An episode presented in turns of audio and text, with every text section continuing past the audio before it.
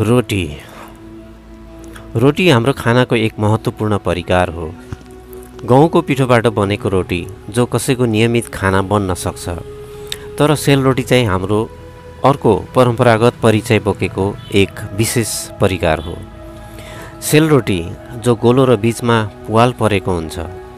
बिचमा पुवाल भएर वरिपरिबाट जोडिएको एउटा नली जस्तो रोटीलाई त्यसलाई पनि पूर्ण रोटी मानिन्छ। कसैले रोटी खाए पनि पुवाल खाइँदैन तैपनि पुरा रोटी खाएँ भन्न मिल्छ। घुमाएर पकाएको सेलरोटी तयार गर्दा जोडिएको ठाउँ टाँसिएको हुन्छ जसमा न कुनै बन्धन हुन्छ न कुनै गाँठो हुन्छ।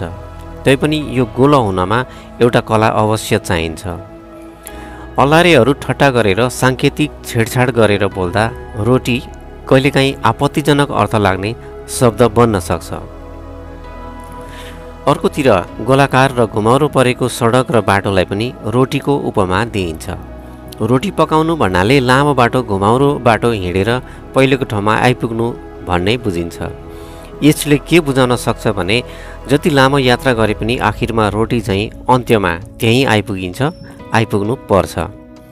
चराहरूले जति लामो उडान गरे पनि अन्त्यमा गुणमै आइपुग्छन्। जहाजहरू जति अग्लो स्थानमा पुगे पनि आखिर धावन मार्गमा आइपुग्नुपर्छ। यहाँ पनि एउटा ठुलो रोटी पाकेको हुन्छ त्यो पनि हावामा। हावामा रोटी पकाएर नानीहरूलाई हामीले शून्य लेख्न पनि सिकाएका छौँ। औँलालाई घुमाइ घुमाइ। रोटी बिना हाम्रा चाडपर्व र धार्मिक कार्यहरू अधुरा हुन्छन्। तिहार खल्लो हुन्छ पूजा अपूर्ण हुन्छ र रोटी नभएको भए ट्युब कस्तो हुन्छ टायर कस्तो हुन्छ थाल कस्तो हुन्छ वा प्लेट कस्तो हुन्छ भनेर बुझाउन अप्ठ्यारो हुन्थ्यो। राजधानी काठमाडौँ पनि एउटा ठुलो रोटीको बिचमा रहेको सहर हो। यदि काठमाडौँको रिङ रोडलाई एउटा सेल रोटी मान्ने हो भने यस बिचमा रहेको सहर रोटीको बिचको धुलोमा भरिएको मिश्रीको डल्ला जस्तै हुन्। सहरमा कुदिरहेका सवारी साधनहरू कमिलाले बोकेका फुलहरू जस्तै हुन्। पैदल हिँड्ने मानिसहरू एक्ला कमिला वा ताँतीमा हिँडेका कमिला हुन्। मोटरसाइकलहरू त्यहाँको मिश्री खान भुनभुनाइरहेका मौरी जस्तै हुन्। राजधानीलाई एउटा आँटाको रोटी मान्ने हो भने यो गोलो रोटीमा रहेका घरहरू रोटीमाथि राखेका अचार तरकारी र केरा जस्तै हुन्। अनि यो अचार र तरकारी र केरा खान तछाड मछाड गरिरहेका मानिसहरू अरूलाई नदी म मात्रै खाउँ भने अज्ञानी जीव जस्तै हुन्। यस्ता रोटी अरू सहरमा पनि धेरै होलान्। वास्तवमा यो सिङ्गो पृथ्वी एउटा रोटी नै हो। खुल्ला ठाउँमा उभिएर हेर्दा आकाशको फेदमा वरिपरि गोलो र विशाल रोटी छ। हामी यो रोटीको बिचका कमिला हौँ। कोही कमिला एक्ला कोही ताँतीको बिचमा अगाडि पछाडि गर्दै दौडिरहेका। देख्दा मिलेर हिँडेको जस्तो तर यथार्थमा एक्लो। जिन्दगी पुरै एउटा रोटी हो जहाँबाट सुरु भएको थियो त्यहीँ सकिन्छ। सुरुवातको अवस्थाको जस्तै निर्वस्त्र निर्बल निशब्द निस्तेज अनि निर्धन भएर सकिन्छ। रोटी सुरु हुने ठाउँलाई जन्म भनिन्छ। रोटी पुरा भएको बेला त्यसलाई मृत्यु भनिन्छ। सेतो पिठोको रूपमा उज्यालो भएर हँसाउँदै सुरु भएको रोटीको यात्रा रातो भएर पाक्छ। यानि कि रातो आगोको जलामा रोटीको टुङ्गो लाग्छ। जिन्दगी साँच्चै तातो तेलमा पाकिरहेको एउटा रोटी त होइन।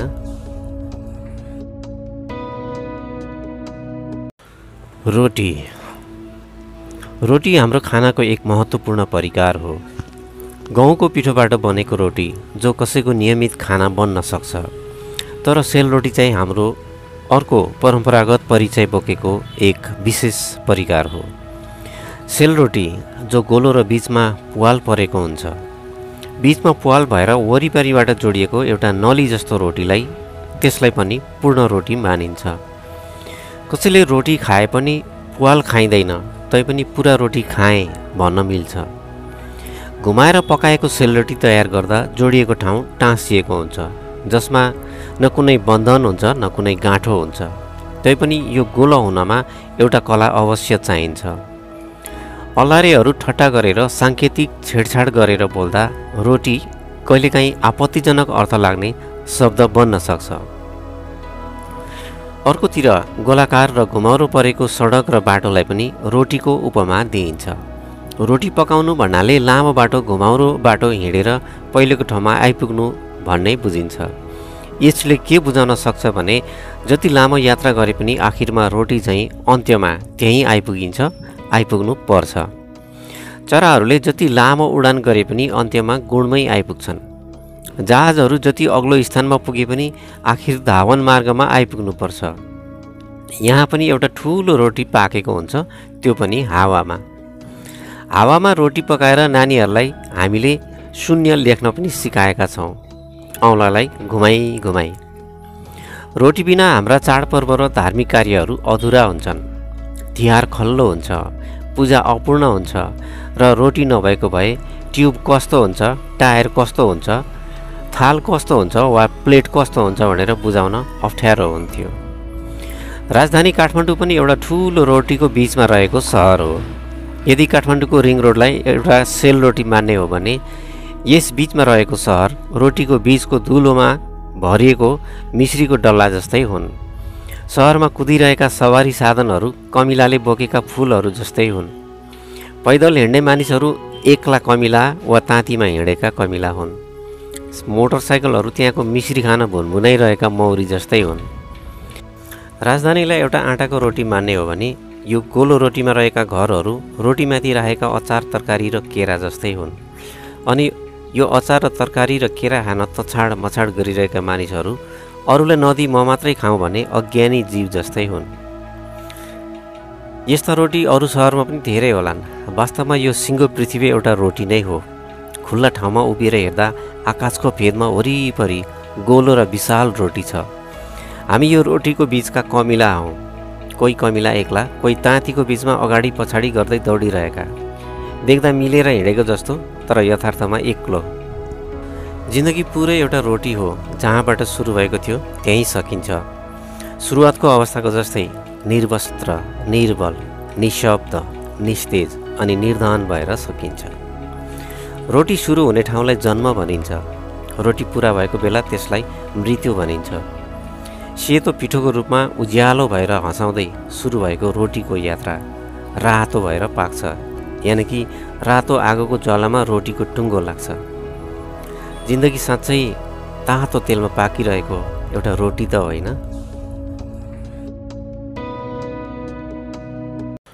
रोटी। रोटी हाम्रो खानाको एक महत्त्वपूर्ण परिकार हो। गहुँको पिठोबाट बनेको रोटी जो कसैको नियमित खाना बन्न सक्छ। तर सेलरोटी चाहिँ हाम्रो अर्को परम्परागत परिचय बोकेको एक विशेष परिकार हो। सेलरोटी जो गोलो र बिचमा पुवाल परेको हुन्छ। बिचमा पुवाल भएर वरिपरिबाट जोडिएको एउटा नली जस्तो रोटीलाई त्यसलाई पनि पूर्ण रोटी मानिन्छ। कसैले रोटी खाए पनि पुवाल खाइँदैन। तैपनि पुरा रोटी खाएँ भन्न मिल्छ। घुमाएर पकाएको सेलरोटी तयार गर्दा जोडिएको ठाउँ टाँसिएको हुन्छ जसमा न कुनै बन्धन हुन्छ न कुनै गाँठो हुन्छ। तैपनि यो गोलो हुनमा एउटा कला अवश्य चाहिन्छ। अल्लारेहरू ठट्टा गरेर साङ्केतिक छेडछाड गरेर बोल्दा रोटी कहिलेकाहीँ आपत्तिजनक अर्थ लाग्ने शब्द बन्न सक्छ। अर्कोतिर गोलाकार र घुमाउरो परेको सडक र बाटोलाई पनि रोटीको उपमा दिइन्छ। रोटी पकाउनु भन्नाले लामो बाटो घुमाउरो बाटो हिँडेर पहिलेको ठाउँमा आइपुग्नु भन्ने बुझिन्छ। यसले के बुझाउन सक्छ भने जति लामो यात्रा गरे पनि आखिरमा रोटी चाहिँ अन्त्यमा त्यहीँ आइपुगिन्छ आइपुग्नु पर्छ। चराहरूले जति लामो उडान गरे पनि अन्त्यमा गुणमै आइपुग्छन्। जहाजहरू जति अग्लो स्थानमा पुगे पनि आखिर धावन मार्गमा आइपुग्नुपर्छ। यहाँ पनि एउटा ठुलो रोटी पाकेको हुन्छ त्यो पनि हावामा। हावामा रोटी पकाएर नानीहरूलाई हामीले शून्य लेख्न पनि सिकाएका छौँ। औँलालाई घुमाइ घुमाइ। रोटी बिना हाम्रा चाडपर्व र धार्मिक कार्यहरू अधुरा हुन्छन्। तिहार खल्लो हुन्छ पूजा अपूर्ण हुन्छ र रोटी नभएको भए ट्युब कस्तो हुन्छ टायर कस्तो हुन्छ थाल कस्तो हुन्छ वा प्लेट कस्तो हुन्छ भनेर बुझाउन अप्ठ्यारो हुन्थ्यो।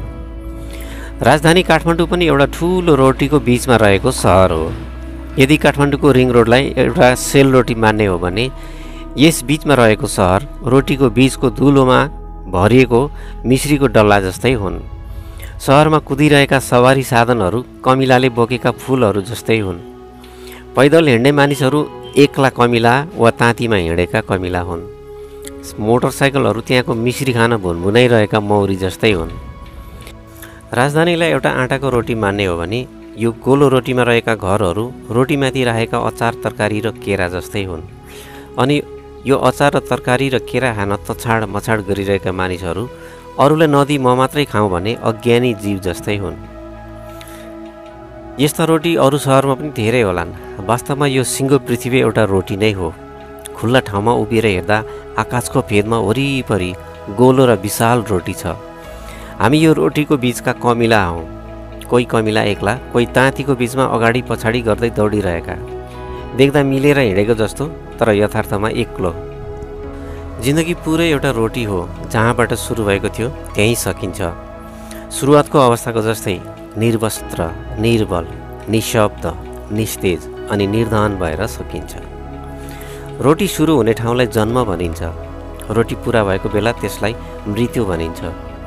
सेतो पिठोको रूपमा उज्यालो भएर हँसाउँदै सुरु भएको रोटीको यात्रा रातो भएर पाक्छ। यानि कि रातो आगोको ज्वालामा रोटीको टुङ्गो लाग्छ। जिन्दगी साँच्चै तातो तेलमा पाकिरहेको एउटा रोटी त होइन।